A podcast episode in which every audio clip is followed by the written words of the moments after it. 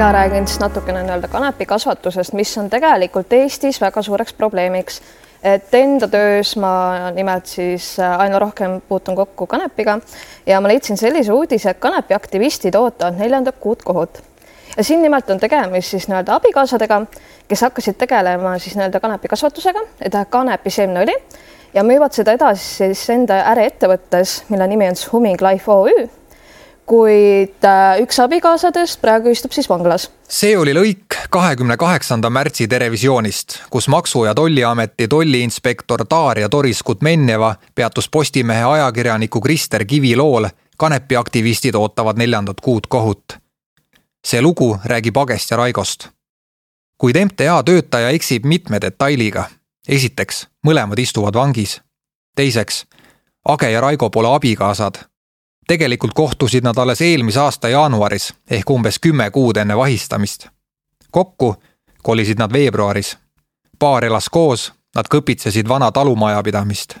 kõik oli hästi, kuni. räägi sellest vahistamispäevast, kuna see äh, juhtus? kakskümmend viis november, vot seda ma tean küll täpselt. kakskümmend viis november? jah. nii, ärkasite üles äh, mina läksin. mis edasi sai? Edasi me läksime maja tavaterrassile kohvi jooma. Raigo läks sauna tuld tegema, saunas kuivas tubakas, kilesaun. mina tegin terrassil oma kohviks suitsu. ja siis ma nägin kõigepealt seda, et mingi buss pidas kinni, see kanep kasvas mul sisuliselt tee ääres, eks noh, et maja on täiesti tee ääres see on küll väike tee, aga ikkagi. nägin, et see buss pidas kinni ja sealt tulid välja maskides kaks meest, kes hakkasid hiilima Raigo poole. ja siis järsku tulid läbi maja on umbes seitse inimest, siis tuli teiselt poolt ümber maja tuli veel paar tükki, noh, mul majas oli kas kümme või viisteist inimest, ma täpselt ei mäleta.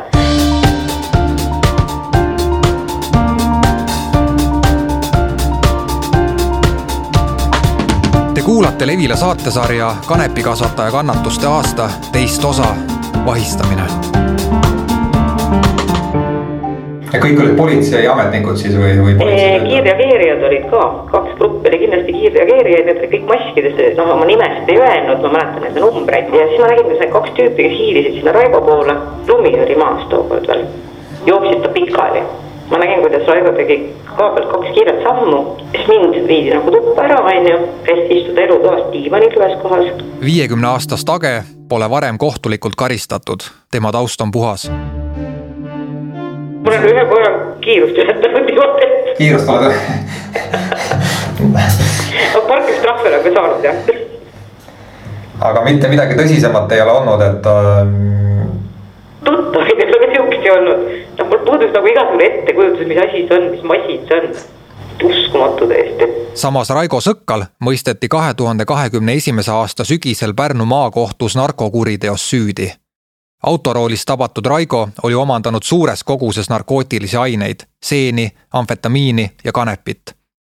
jahmunud Age arvaski alguses, et politsei tuli Raigo järele, kes oli toona veel tingimisi vangistatud ega ilmunud õigel ajal väidetavate terviseprobleemide tõttu üldkasulikku tööd ehk ÜKT-d tegema. õige pea jõudsid politseinikud aga klaaspurkides ja sügavkülmas leiduva kanepini Agel on tagantjärele tema kodus tehtud läbiotsimisele rida etteheiteid, aga ka endale, et ta õigel ajal jalga maha ei pannud. ja ma olin muidugi nii loll, mitte mingil juhul ei tohi öelda mitte ühtegi sõna, kui sul ei ole head kaitset juures mingil juhul ei tohi alla kirjutada ühelegi paberile, kui sul ei ole väga head kaitset juures. ja veel enam, mitte mingil juhul ei tohiks lasta teil isegi mitte läbiotsimist teha, enne kui sa ei ole kaitset juurde kutsunud. kas sa ütlesid midagi või, või tegid midagi, mida hiljem on siis sinu vastu kasutatud? ja, ma kindlasti tegin midagi selles mõttes, et äh, sinna ma nüüd jõuan, aga mitte läbiotsimise koha pealt, eks. läbiotsimise koha peal minu teada noh, vot see on nüüd see koht, kus ma ei saa rääkida, sest et ma, ma tegelikult noh, kuna ma ei ole harjutanud kriminaal olemist, siis ma tegelikult ei tea, täpselt ikka veel. minu jaoks on see nagu täitsa arusaamatu protsess, kogu see värk et. sõidan Pärnusse, et kohtuda sealses siseturvalisuse ühishoones uurijaga Nicolas Saarnak on minu nimi ja töötan siis Politsei- ja Piirivalveameti Lääne prefektuuri narko- ja organiseeritud kuritegude talituse juhina. me tõukume oma vestluses Age ja Raigo kinnipidamisest ja vahistamisest. aga kuna kohus veel käib, ei saa uurija kõiki detaile avada. Kümne kuni viieteist pealine läbiotsimistiim või meeskond kahe inimese kinnipidamiseks, et see tundub kuidagi noh, tavainimese vaates selline ebaproportsionaalselt suur võib-olla või mm? -hmm. miks, miks nii palju inimesi? mina ütlen selle kümne kuni viieteist kohta, et see ei ole midagi ebatavalist loomulikult tehakse ka väiksema arvuga, tehakse suurema arvuga, aga läbiotsimist planeerides üldiselt on mitmed nüansid, et millega me peame arvestama, et kasvõi objekti suurus, kuhu me hakkame minema, kas me peame isikuid seal objektil kinni, kas meil on isikud juba enne kinni peetud, sinna kaasa võetavad, mis on nende isikute taust, kas objektil võib viibida kõrvalisi isikuid, kas neid võib eh, toimingu käigus sinna juurde tulla, kuidas need inimesed võivad käituda, mis nende konkreetne taust on. et kõik sellised asjaolud et noh, selge on see, et kui me läheme otsima läbi ühetoalist korterit, siis see viisteist inimest on absoluutselt mitte proportsioonis selle asjaga. Aga kui me lähme otsima suurt talukompleksi, siis mina ei näe, et see oleks kuidagi väga-väga suuresti ülereageerimine. Aga kas ja mis põhjusel kasutatakse läbiotsimisel, kinnipidamisel jõumeetodeid, noh, vägivalda? no ütleme nüüd vägivalda, seda sõna ma ei tahaks kuidagi politsei tegevuse puhul kasutada, et politseile on seadusega antud õigus kasutada siis vahetut sundi, mis siis väljendub kas füüsilise jõu kasutamises, erivahendite kasutamises või relva kasutamises. seda tohib kasutada siiski ainult eh, seaduse alusel, et päris suva järgi keegi füüsilist jõudu kellegi suhtes kasutada ei saa. aga mis need nagu põhimõtted on, et, et kas, ma ei tea, hakkab keegi vastu? jah, täpselt nii, et ütleme, sunni rakendamine ja selle suurus sõltubki, ütleme, alustades eelinfost, et mis on see võimalik stsenaarium, mis juhtuma võib hakata, kuni siis selleni, mis tegelikult täpselt selles situatsioonis siis eh, toimub, et üks osa sellest kindlasti on isiku käitumine, kas ta hakkab vastu, kas ta on adekvaatne, kas ta on ettearvamatu kõik sellised asjad. uurija peatub pikemalt just narkokuriteos kahtlustatavate mahavõtmisel. mõned nüansid seal siiski on, mis teda eristavad, et kui me räägime nüüd eh, narkokahtlusega kurjategija kinnipidamisest, siis eks põhiliseks äh, asitõendiks võib lugeda siis äh, narkootilise aine tihti.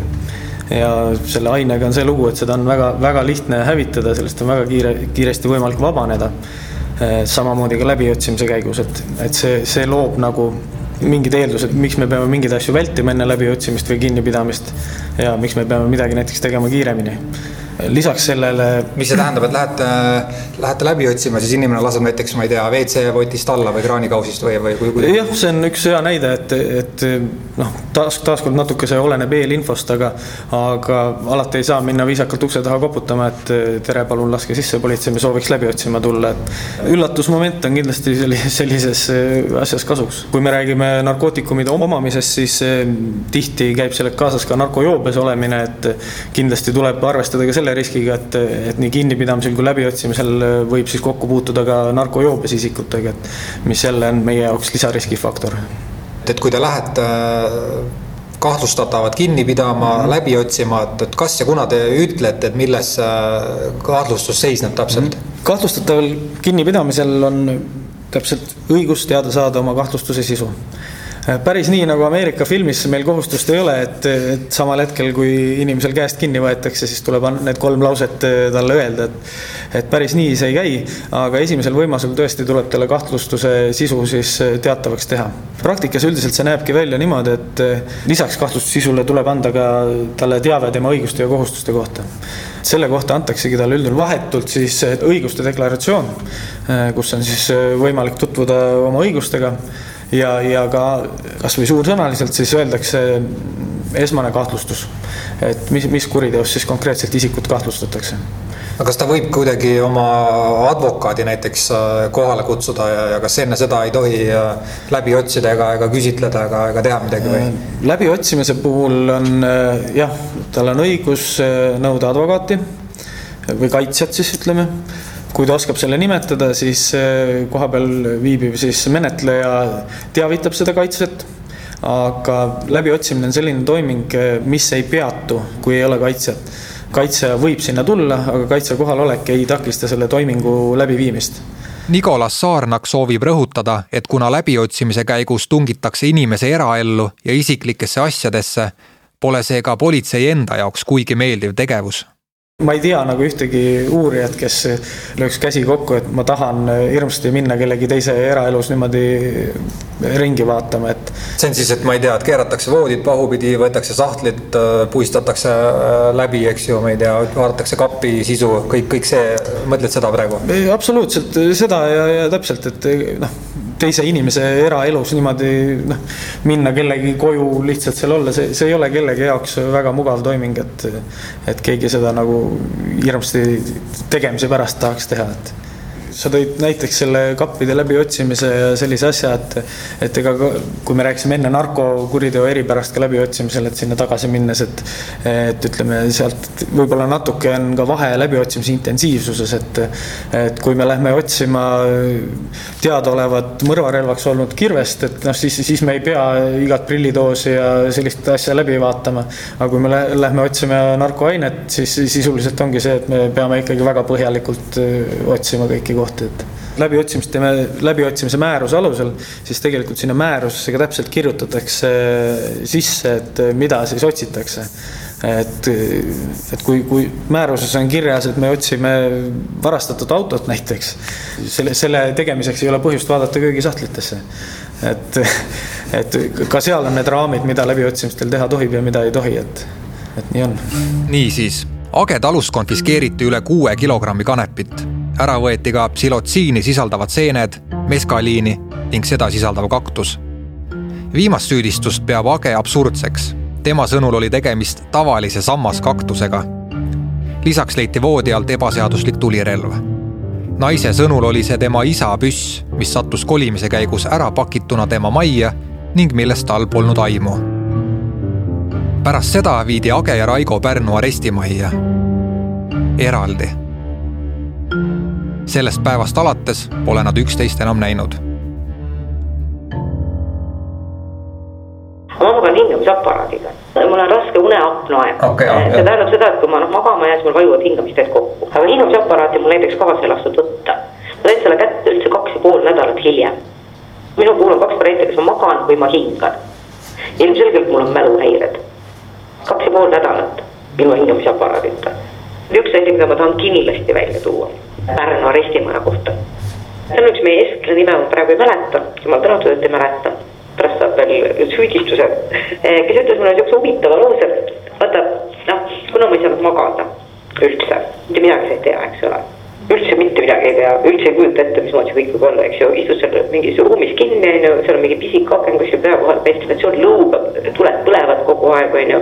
Ja siis äh, helistad seda paganama, noh, valvurile on ju mingit kella, midagi ma tahtsin teada, ma ei mäleta, mis see oli, tõesti ei mäleta, ma räägin, et ma noh, mul ei ole hingamisaparaat, ma olin ka täiesti noh, täiesti arulage ilmselgelt, eks. no magada ju ei saa, kas saad magada, on ju, või ei saa hingata, üks kahest, nädalaid järjest. Aga seal helistan ja see tüüp ütles, et tead, et sa võid helistada nii palju, kui tahad. ma ei reageeri enne, kui sa oled pikali maas ja näost sinine ma olen mõelnud, et huvitav, kas kõik arestimaja surmad, mis meil on olnud Eestis, on Pärnu omad või? mäletatavasti suri tänavu juulis Pärnu arestimajas üledoosi kahekümne aastane noormees, kes toimetati sinna muusikafestivalilt Beach Grind. ehkki politsei teenistuslik kontroll tuvastas, et ametnikud käitusid õigesti, tunnistas Lääne prefektuuri kriminaalbüroo juht Margus Raspel tagantjärele tarkusena, et ilmselt olnuks targem viia noormees haiglasse et noh, ei saa kuidagi mööda minna, et selline traagiline juhtum siin tõesti aset leidis suvel. noh, väga pikalt ei tahaks nagu sellel juhtumil peatuda, et ma arvan, et selle, sellest on ka meedias räägitud ja ja noh, tuleb öelda, et, et kindlasti ei ole siin kerge ei lähedastel ega, ega ka politseinikel, kes selle juhtumiga tegelema pidid. Tagantjärgi öeldes arestimaja on selles mõttes üks reguleeritumaid ja kus, kus kogu tegevus toimubki väga-väga kindlate reeglite järgi, üks kontrollitumaid üksusi, et ka selles, selles asjas tegelikult arestimaja töötajate teenistuslik järelevalve ju eh, otseselt midagi valesti tegemist ega sellist ei tuvastanud. kogu arestimaja töö tegelikult käib väga täpsete reeglite alusel, kui, kui seal on kaebusi, siis on tegelikult võimalik neid kaebusi esitada, nendega tegeletakse väga adekvaatselt selles mõttes, et. aga kas on tulnud veel noh, seda suve, suvist juhtumist me teame, eks ju mm., läks suure, suure kella külge üleriigilises meedias räägiti, aga, aga veel kaebusi Pärnu aresti, arestimaja tegevuse kohta või töötajate kohta viimases, viimastel aastatel? Jah, mul selline statistika nüüd äh, puudub, et äh, kui palju on mingeid kaebusi, et äh, lihtsalt läbi aastate ise arestimajas käinuna kahtlustatavad ikka kaebavad selles mõttes, et see on nende õigus. kõigi nende kaebustega tegeletakse. Kindlasti ei saa eitada, et on mingi protsent, millel ongi tõepõhi all ja see selgubki ja selle eest ka on võimalik ka politseiametnikke karistada, arestimaja töötajaid karistada ja kindlasti on seda ka juhtunud. et see oleks kuidagi massiline või selline päevast päeva, ei taha kohe kuidagi uskuda.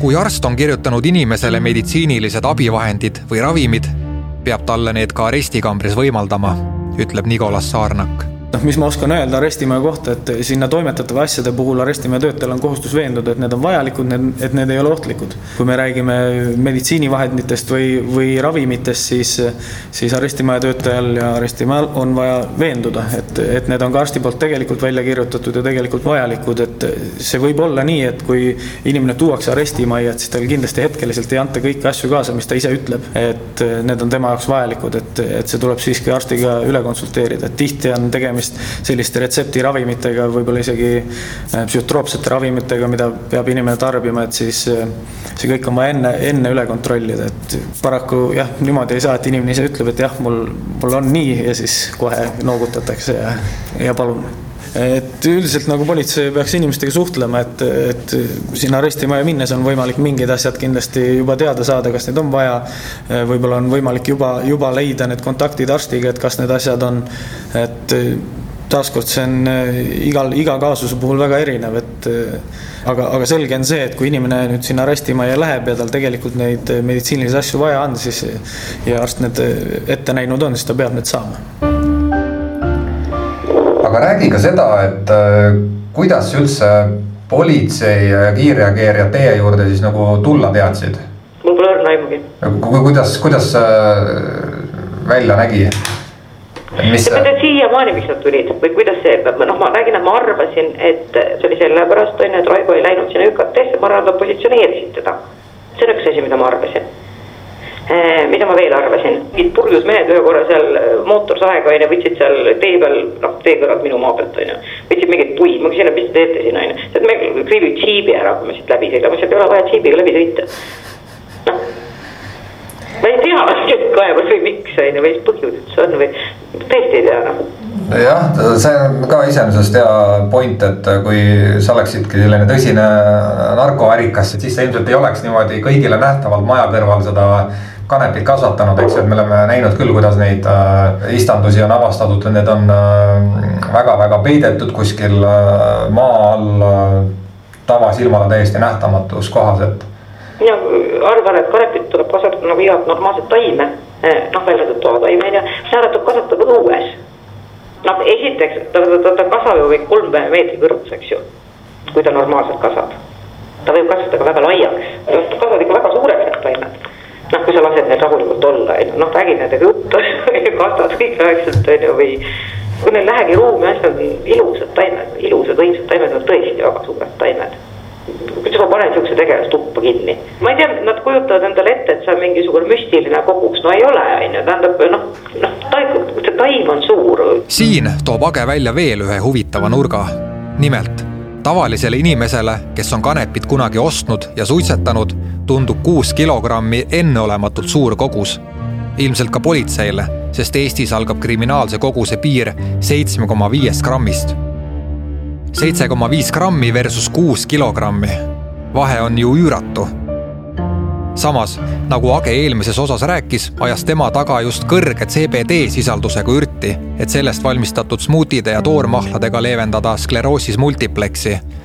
nüüd jõuamegi tema väite tuumani tuginedes molekulaarbioloogi Siim-Erik Siimuti ekspertarvamusele, on CBD suukaudsel manustamisel väga madala biokättesaadavusega.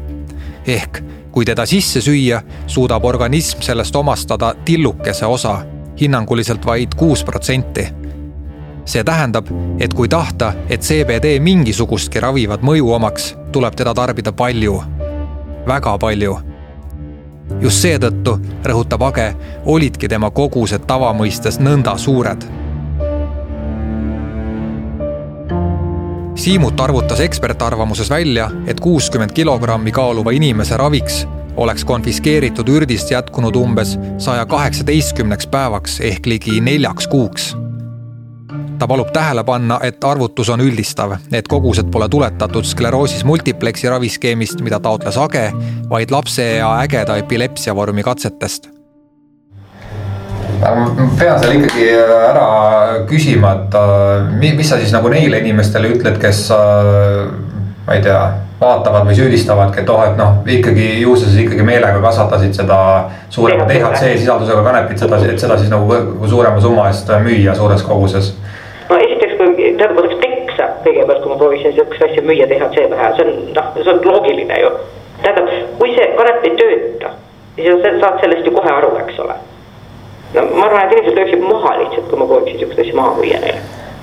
mis ma neile veel võiksin öelda mm.? Kui inimene on veendunud milleski, et oota, tead, ma loen sulle ühe tsitaadi ette mm.. parem, see on, ma kirjutasin selle endale eile välja, see on üks mu, üks mu lemmiktsitaatidest. võib-olla oleks pidanud sellega üldse alustama.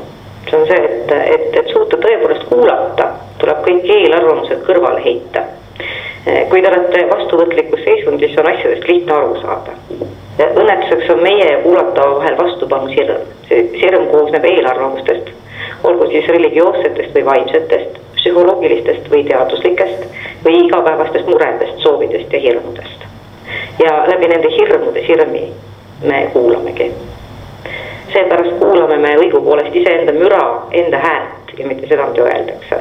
selle äh, tsitaadi autor on tegelikult on Krishnamurti, kes on minu arvates üks äh, eelmise sajandi suurimaid mõtlejaid. Ja siis pärast kahekümne viiendat novembrit, siis te lahkusite sealt äh, oma, oma talust ja kõik jäi nii nagu jäi, et. aga ma saan aru, et teil on äh, mõned head inimesed on ikkagi seal äh, käinud ja ka vist kasside eest hoolitsenud ja. üks kass on alles, ülejäänud on ilmselt läinud. ühte kassi ikka on veel nähtud mm. -hmm. ma loodan, et ta peab vastu, kui nagu koju jõuab